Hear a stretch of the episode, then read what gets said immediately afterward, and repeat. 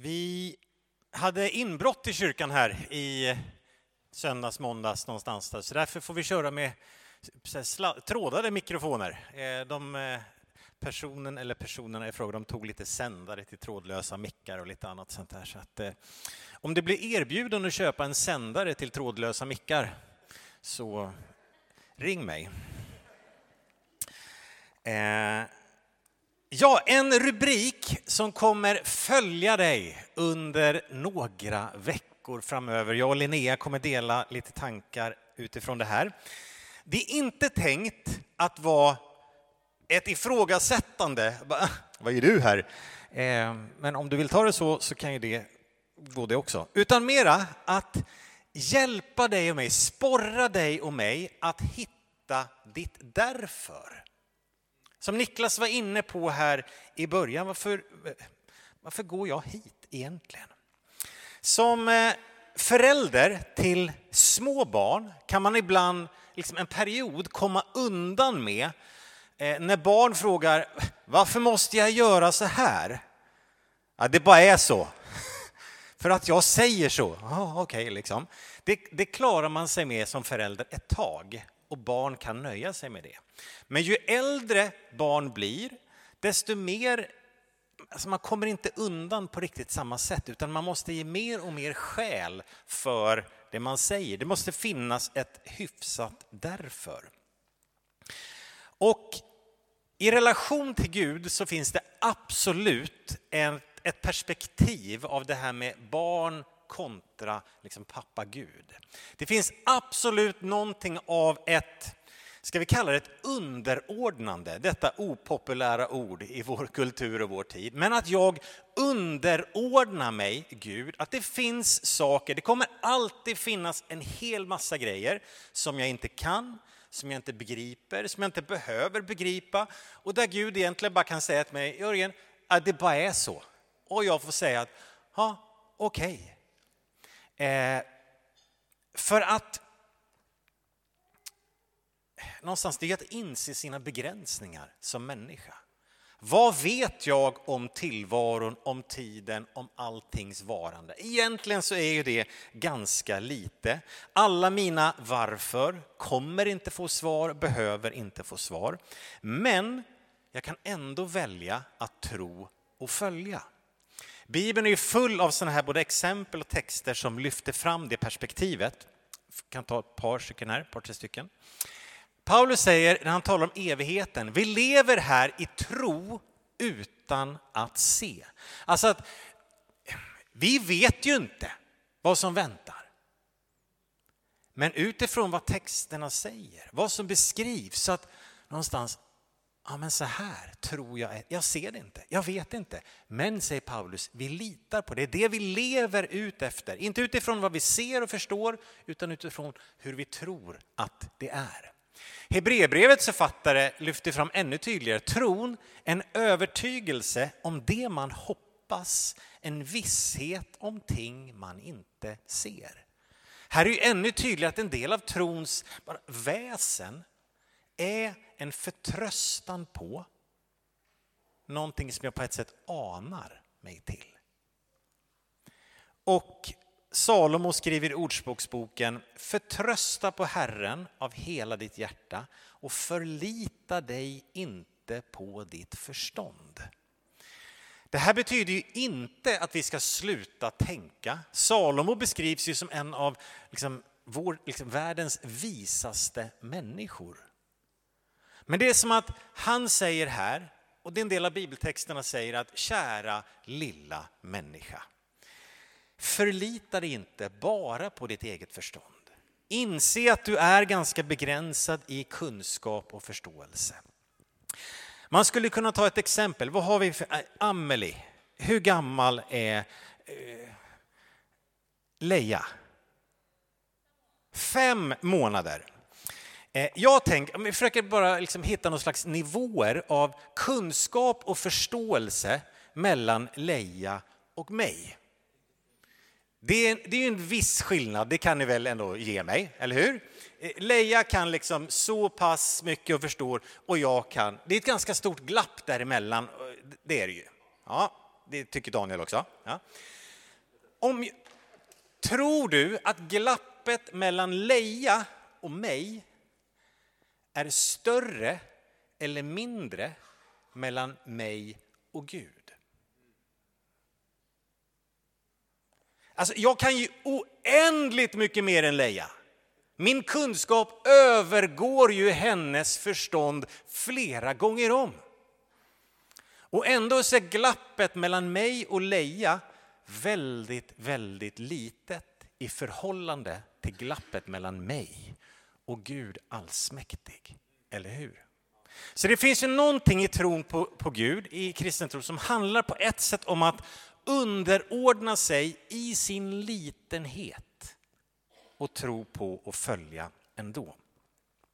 Men med det sagt, under vår korta tid här på jorden, med vårt begränsade perspektiv, så ska vi ändå göra det vi kan för att sträcka oss liksom i att förstå, resonera och liksom förklara liksom så långt det går. Och tron på Jesus innefattar absolut kunskap, resonemang, förståelse i högsta grad. Och jag tror att det är viktigt för liksom mig, för mig själv i min egen vandring, i min egen överlåtelse till Jesus, eh, att jag har ett tydligt därför i min tro. Jag tror att det är viktigt, inte bara för mig själv, utan också i mitt vittnesbörd på något sätt utåt, gentemot vår värld. Varför, varför håller ni på? Varför, finns, varför tror ni liksom att det finns ett tydligt och starkt därför till våran tro? Och jag tänker att när, kanske i synnerhet när tron prövas, när livet är lite hårt, det är svåra omständigheter, det finns ett ifrågasättande på många sätt. När det ropar varför ganska högt. När vi möter livets rumpnissar. Ni som kan eran Ronja Rövardotter vet vilka rumpnissarna var. Vad sa de för något? Varför då, då? Varför gör de på detta viset? Varför, varför? Alltså det fanns bara ett, ett varför hela tiden. När vi möter livets rumpnissar, när vi möter alla dessa varför. Varför går du hit? Varför tror du på Gud? Varför är du i kyrkan? Varför, varför? Vad finns det då för därför som jag kan ge? Om jag skulle fråga dig nu, om jag skulle peka ut någon här en sån här ovillig frivillig. Nej, jag ska inte göra det. Men om jag skulle fråga dig, varför är du kristen? Du som bekänner dig som kristen. Ställ dig upp min vän och berätta för oss, varför är du kristen? Vad skulle du svara då? Vad är ditt därför? Jag skulle fråga Charlotte, Charlotte, varför var ni här igår förmiddags och övade? Och gick upp tidigt i morse också för att komma hit. Och Roger behövde stämma gitarren. Och varför, varför gör ni det här? Och du som alldeles nyss swishade iväg pengar i kollekten. Varför gör du det? Varför är du engagerad i second hand eller barnverksamheten eller missionen eller vad det är för något? Varför?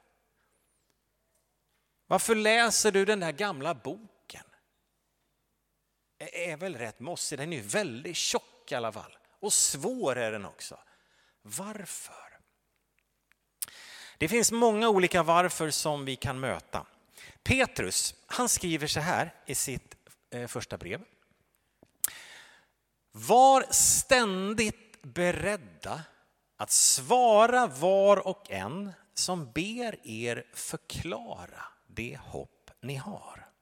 Men gör det ödmjukt, med respekt och ett rent samvete så att de som talar illa om ert goda levnadssätt i Kristus får skämmas för sitt förtal. Vi förstår ju av den sista raden här att det är människor som ganska hårt ifrågasätter deras tro. Efter det, det står om förtal. Så det var inte bara så nyfikna frågor, jaha, varför tror ni? Utan här finns det, det, det pushar på ganska hårt här. Men det här är en uppmaning att kunna förklara det hopp jag äger. Varför, Jörgen, tror du på Jesus? Varför följer du honom? Var beredd att svara på det. Du som kan Petrus berättelse. Tänk så här, finns det någonting av hans egna erfarenhet i det här? För att i samband med att Jesus blir infångad i ett semane trädgård den där sista påsken och förs bort sen för att korsfästas. De tar honom från trädgården in liksom i stan och in på borggården där och pretoriet och allt vad det heter. Och Petrus han följer ju efter på avstånd för att se vad som händer. Och när han kommer in där så kommer ju på ett sätt den här frågan. Men du då? Du tillhörde väl honom? Nej, jag känner honom inte. Kom lite överrumplande fråga och så var det ganska otäckt, alltså det var ju spänt. Det var ju ganska aggressivt och man visste inte vad som väntade. Men var det någonting av den erfarenheten att när frågan kom i ett väldigt opassande läge, ja det var det, så var Petrus inte, han, han var inte beredd på att den frågan skulle komma. Är det därför han skriver som han gör? Var beredda, ständigt beredda att svara. Att ge ditt därför. Och en sak till från de här raderna tänker jag så här att eh, han säger gör det ödmjukt. Att inte ge ett tydligt därför, det är inte ödmjukhet. Alltså här finns det både här, du kan ge ett tydligt svar på det hopp du har. Det här tror jag på. Det här är mitt hopp. Det här är min övertygelse. Och du kan göra det ödmjukt. Så att övertygelse och ödmjukhet, det kan gå hand i hand. Man behöver inte liksom eh, ta bort sin övertygelse för att man tror att det ska vara ödmjukt. Nej, det är inte samma sak. Utan övertygelse och ödmjukhet går väl hand i hand. Och jag tänker också att de här raderna var ständigt beredda att svara var och en. Jag tänker att den där gäller dig själv också. Att den här texten gäller att, att jag kan svara mig själv. Varför håller jag på? Har jag något bra därför? Varför fortsätter jag och gör det jag gör? Varför är jag engagerad här? Gör si, gör så, fortsätter och ger och tjänar. Att ha ett svar, inte bara för andra, utan också för sig själv. För jag tror att över tid åtminstone så behöver man ha det här svaret. Det är lite grann som barnet. I början så kanske, ja men det, ja, det var god gemenskap, det var gott fika eller de var snälla mot mig eller det var sköna stolar eller vad vet jag liksom. Eh, men någonstans över tid, för att det ska finnas en drivkraft så måste det landa i ett, ett tydligt därför gör jag det här. Att jag vet varför jag på något sätt plöjer ner mig själv i det. För att om det inte finns ett tydligt därför, då blir det ju lite mer av någon slags sidospår, lite hobby, lite Eh, ja, du håller på med golf? Ja, nej, jag går till kyrkan eller jag kanske ska spela golf jag också. Eller, alltså det blir ingenting att leva och dö för. Ja, men så kan man väl inte prata om tron? Är det något att leva och dö för? Nu tar han väl ändå i. Mm, fråga de där elva av tolv apostlar som dog för sin tro. Fråga den förföljda kyrkan genom alla tider hade ni inte kunnat byta hobby och intresse? Kristen tro, livet med Jesus, det är inget intresse. Det är ingen hobby.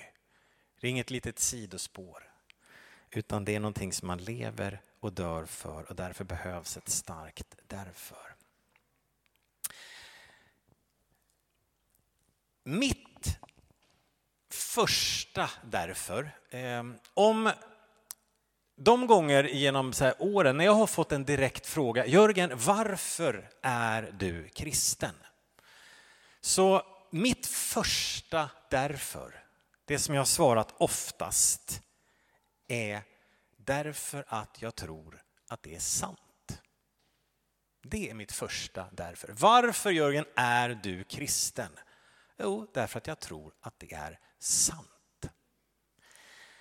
I eh, första Korinthierbrevet 15 så skriver Paulus så här till dem. Det är några som har sagt att, eh, att de döda inte uppstår, att det inte funkar så. Liksom. Och då säger Paulus här, om det inte finns någon uppståndelse från de döda, då har inte heller Kristus uppstått. Och om Kristus inte har uppstått, då är vår predikan meningslös och även er tro meningslös. Det här är bara ett av de tillfällena som, som lyfter fram det, men här handlar det just om uppståndelsen. Och Paulus säger att om inte Jesus på riktigt uppstod från de döda, den döda kroppen i graven, om den inte kom till liv på riktigt.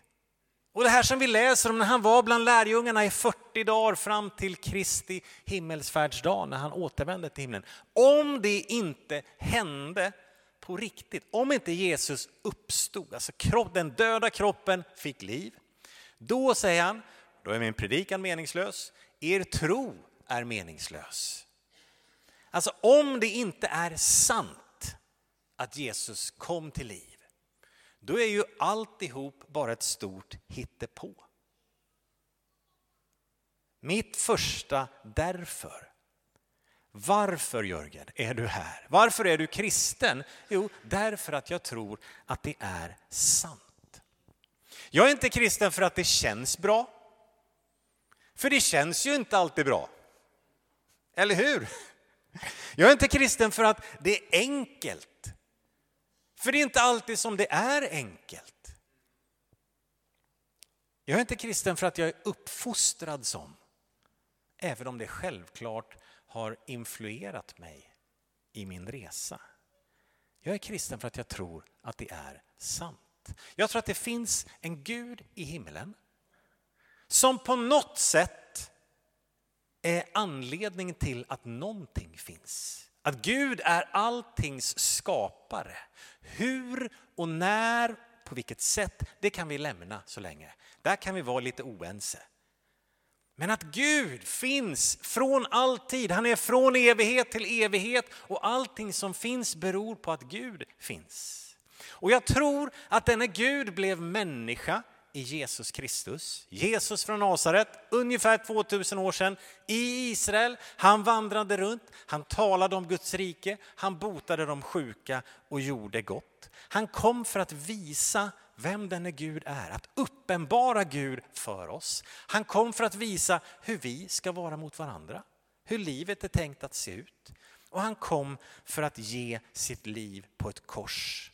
Att denne Gud som blir människa ger sitt liv oskyldig på ett kors för att jag på något sätt ska kunna få förlåtelse. Fattar jag hur allt det här går ihop? Nej, det gör jag inte. Men jag tror att det är så. Jag tror att denne Jesus uppstod från de döda på riktigt. Var bland lärjungarna i 40 dagar som det står. Återvände till himmelen dit han kom ifrån. Och så tio dagar senare så på ett sätt kommer han tillbaka genom den helige ande. Guds ande finns hos oss i varje människa som tror på honom. Och jag tror att den helige ande har inspirerat människor genom historien till att skriva ner händelser och undervisning som idag är våran bibel. Att han har vakat över det och att det är Guds ord till oss. Jag tror att det är sant. Jag tror att det är på det sättet. Och om det är så, om det är sant, då påverkar det hela mitt liv. Allt jag gör har med Gud att göra. Allt du gör har med Gud att göra. För att allting kommer från honom. Och han säger att han är alltings herre. Och han vill ha med hela dig att göra. Och då spelar det ingen roll hur jag känner. Det spelar ingen roll hur jag mår. Det spelar ingen roll om min tro liksom är på topp och jag bara säger yes, halleluja varje morgon. Eller om jag bara säger ett suck och pust, Gud finns du kvar. Det kvittar liksom vart jag är någonstans, för det är lika sant det som hände. Alla dagar i veckan. Det förändras inte även om mitt liv förändras. Och en annan konsekvens av det, det är ju att det är lika sant för alla människor. Du kanske finns här som säger så här, nej men vet jag tror ju inte på det där. Nej, är det inte sant då? Jag menar, alltså, det kvittar ju lite. Om ingen människa i hela världen tror på Gud så finns ju Gud ändå, om det är sant. Om alla människor på en gång skulle förneka att Jesus var Guds son, skulle han sluta vara Guds son? Nej, alltså det är sant jämt för alla oavsett. Och det här på något sätt är ju grunden till all kristen mission som har funnits genom alla tider. Att vi sträcker oss ut till människor som vi uppfattar inte har liksom sett vem Gud är eller vet att han finns för att berätta om den här då sanningen. Att så här tror vi att tillvaron är, oavsett. Det gäller för alla människor, alltid, i alla tider. Och det blir också så liksom tvärtom. Om det inte är sant, då är det ju inte, det blir inte sant för att jag tror på det. Jag kan ju inte ja, jag kan ju be och tro att det finns en Gud i himlen, men om det inte finns någon Gud i himlen så finns det ju ingen som lyssnar. Då är ju bönen bara liksom någon slags tankelop här inne hos mig. Och då tänker jag så här, är det inte sant, då går vi härifrån på en gång. Då finns det ju bättre grejer vi kan göra med vår tid än att sitta i en stol och sjunga lite sånger Eh, och lyssna på någon slags föredrag. I samma textsammanhang så säger Paulus här några verser längre ner. Om det bara är för detta livet vi har vårt hopp till Kristus, då är vi de ömkligaste av alla människor. Alltså man säger att om, om det bara är liksom för att tänka, ja, men det hjälper vårt liv lite här och nu. Det har ingenting med någon evighet och det här perspektivet att göra, utan det är bara för här och nu. Jag vet ju själv att jag har, jag har nog både sagt och tänkt i perioder i mitt liv. Så att ja, men även om det inte är sant så har jag levt ett gott liv, för det är goda värderingar, eller hur? Ja, jättefina värderingar och det blir ett gott liv. Och om jag då skulle stöta på Paulus och försöka argumentera så med honom, skulle han spänna sina ögon och mig och säga Jörgen, du är den ömkligaste av människor. Har du inte fattat något? Det är ett mycket, mycket större perspektiv. Det har med hela Guds rike och evigheten och uppståndelsen från de döda att göra. Han säger, då är du den ömkligaste av alla människor, Jörgen. Men nu har Kristus verkligen uppstått från de döda. Att det är inte bara goda värderingar. Och kära förälder till antingen jättesmå barn som Leia eller om du har lite äldre barn. Jag har mött föräldrar genom åren som sagt att ja, det, det är bra att barnen är med så att de får med sig goda värderingar.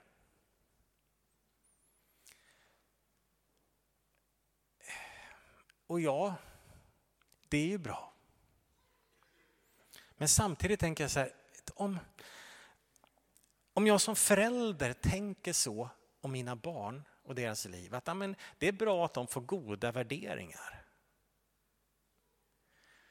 Enligt Paulus så gör jag mina barn till de ömkligaste av alla människor. Ja, det är goda värderingar. Mycket av det ger ett gott liv. Men eftersom Kristus nu har uppstått från de döda och det är för att det finns en Gud i himmelen som ligger bakom allting, som vill leva med mig, hos mig, i mig och har en tanke för mitt liv. Det är så mycket större än så. Människor ska inte få tag på goda värderingar. Vi behöver få tag på livet med Jesus och gemenskapen med honom. För det är den han vill ha med mig. Det var det han gav sitt liv för, för att ge mig. Och den kristna kan vi säga, berättelsen, den kan inte vara lite sann. Den kan inte vara lite sann. Antingen är Jesus allt det han sa att han var, eller så är han det inte alls. Det, finns, det är jättesvårt att hitta någon mellanting som funkar. Ja, men han var en god människa. Nej, Jesus var ingen god människa bara. För att en god människa säger inte jag är världens ljus. Jag kan ge dig levande vatten. Inte skulle jag ringa honom och be honom vara barnvakt åt våra barn. Liksom. Han är ju inte klok om han inte är allt det han sa att han var. Så kristen tro det är så här, men antingen så är det sant på riktigt, alltid för alla människor. Det är så här det ligger till. Eller så är det inte alls sant. Jakob, du kan komma fram och sätta dig vid pianot här.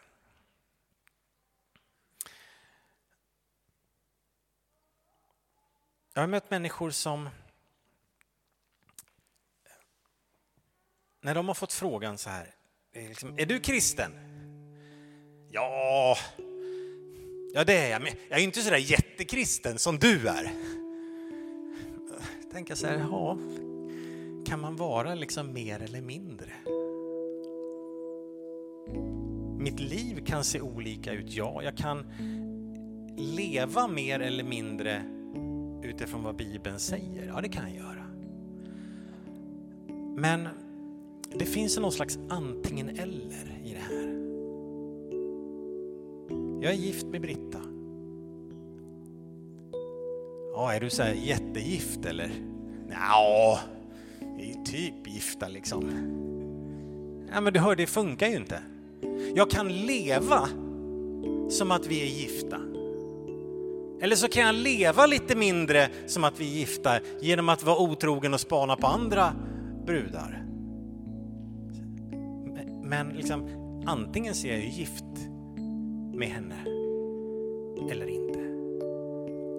Är du kristen? Ah, inte så jättekristen. Vad innebär det? Är det att, nej, det, det är lite, jag tänker så ja det är bra värderingar. Ja, då är vi där igen ja. Eller är det, är det bara halvsant? Var hälften av Jesu under på riktigt? Och han botade de sjuka men han gick inte på vattnet. Eller, ja han gick på vattnet men jungfrufödseln den funkar ju inte. Eller vart börjar jag ta bort grejerna någonstans? Antingen är det sant eller så är det inte sant. Jag kan lägga på sista bilden där igen. Alltså.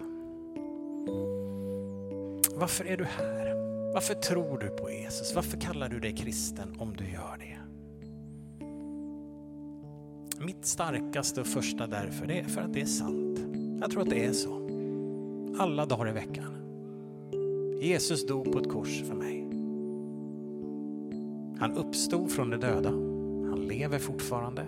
Han har återvänt till himmelen och nu finns han här genom sin heliga Ande. Och en dag så kommer han tillbaka. Det är svaret för mig. På sätt. Det är det som driver mig, motivet. Ett av de största och första. Och det är det svar som jag ger till andra. Och eftersom jag tror att det är sant så frågar jag dig som är här. Tror du att det är sant? Har du gett dig till honom? Har du inte gjort det så gör det. Säg Jesus, jag behöver dig. Jag tar emot dig, jag vill tro på dig, jag vill följa dig. Be en enkel bön där du säger det. Jesus kom in i mitt hjärta. Och eftersom jag tror att det är sant om du tror på honom men inte har låtit döpa dig, låt döpa dig. Varför då? Varför ska man, måste man bli döpt? Ja, Nya Testamentet ger en del undervisning om dopet, att det kopplar med våran förlåtelse och rening. Det kopplar med tillhörigheten till Guds folk. Men det finns också någonting i det här som är, ja men för att Jesus säger det. Han säger tro på mig och låt döpa er. Och en del av dina därf, varför kanske bara, okej, okay, Jesus har sagt så, då gör vi så. Jag behöver inte ens förstå allt om dopet, utan jag på något sätt, jag lyder. Okej, okay, jag tar det. Du har sagt det, då gör vi så. Låt döpa dig. Och till dig som känner igen dig lite grann i det där att, ja, jag, jag är inte så där superkristen som vad du är, lite halvkristen. Om det är sant min vän, då spelar det roll för hela ditt liv. hur det tar sig uttryck, det är ju din väg att gå och följa. Men det kan inte vara lite sant, utan om det är sant min vän, vill du ge dig till honom, till hans rike, till hans församling och bara säga Herre, allt jag är, allt jag har, det tillhör dig för att du har gett ditt liv för mig och du lever fortfarande. Det finns ett starkt därför för dig att leva i och med ska vi stå upp och be tillsammans.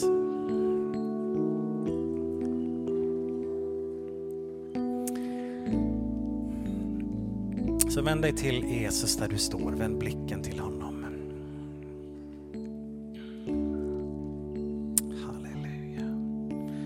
Säger vi bön över hela lokalen, sträck dig mot honom. Du som behöver be en bön av överlåtelse, gör det. Du som behöver ta emot honom i ditt hjärta första gången, gör det. Halleluja.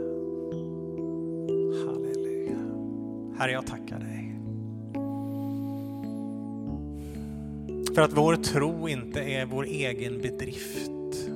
Att livet med dig, det är inte hur vi tar i och försöker utan allting som det här är, det beror på, att, på vem du är, vad du har gjort och vad du har sagt.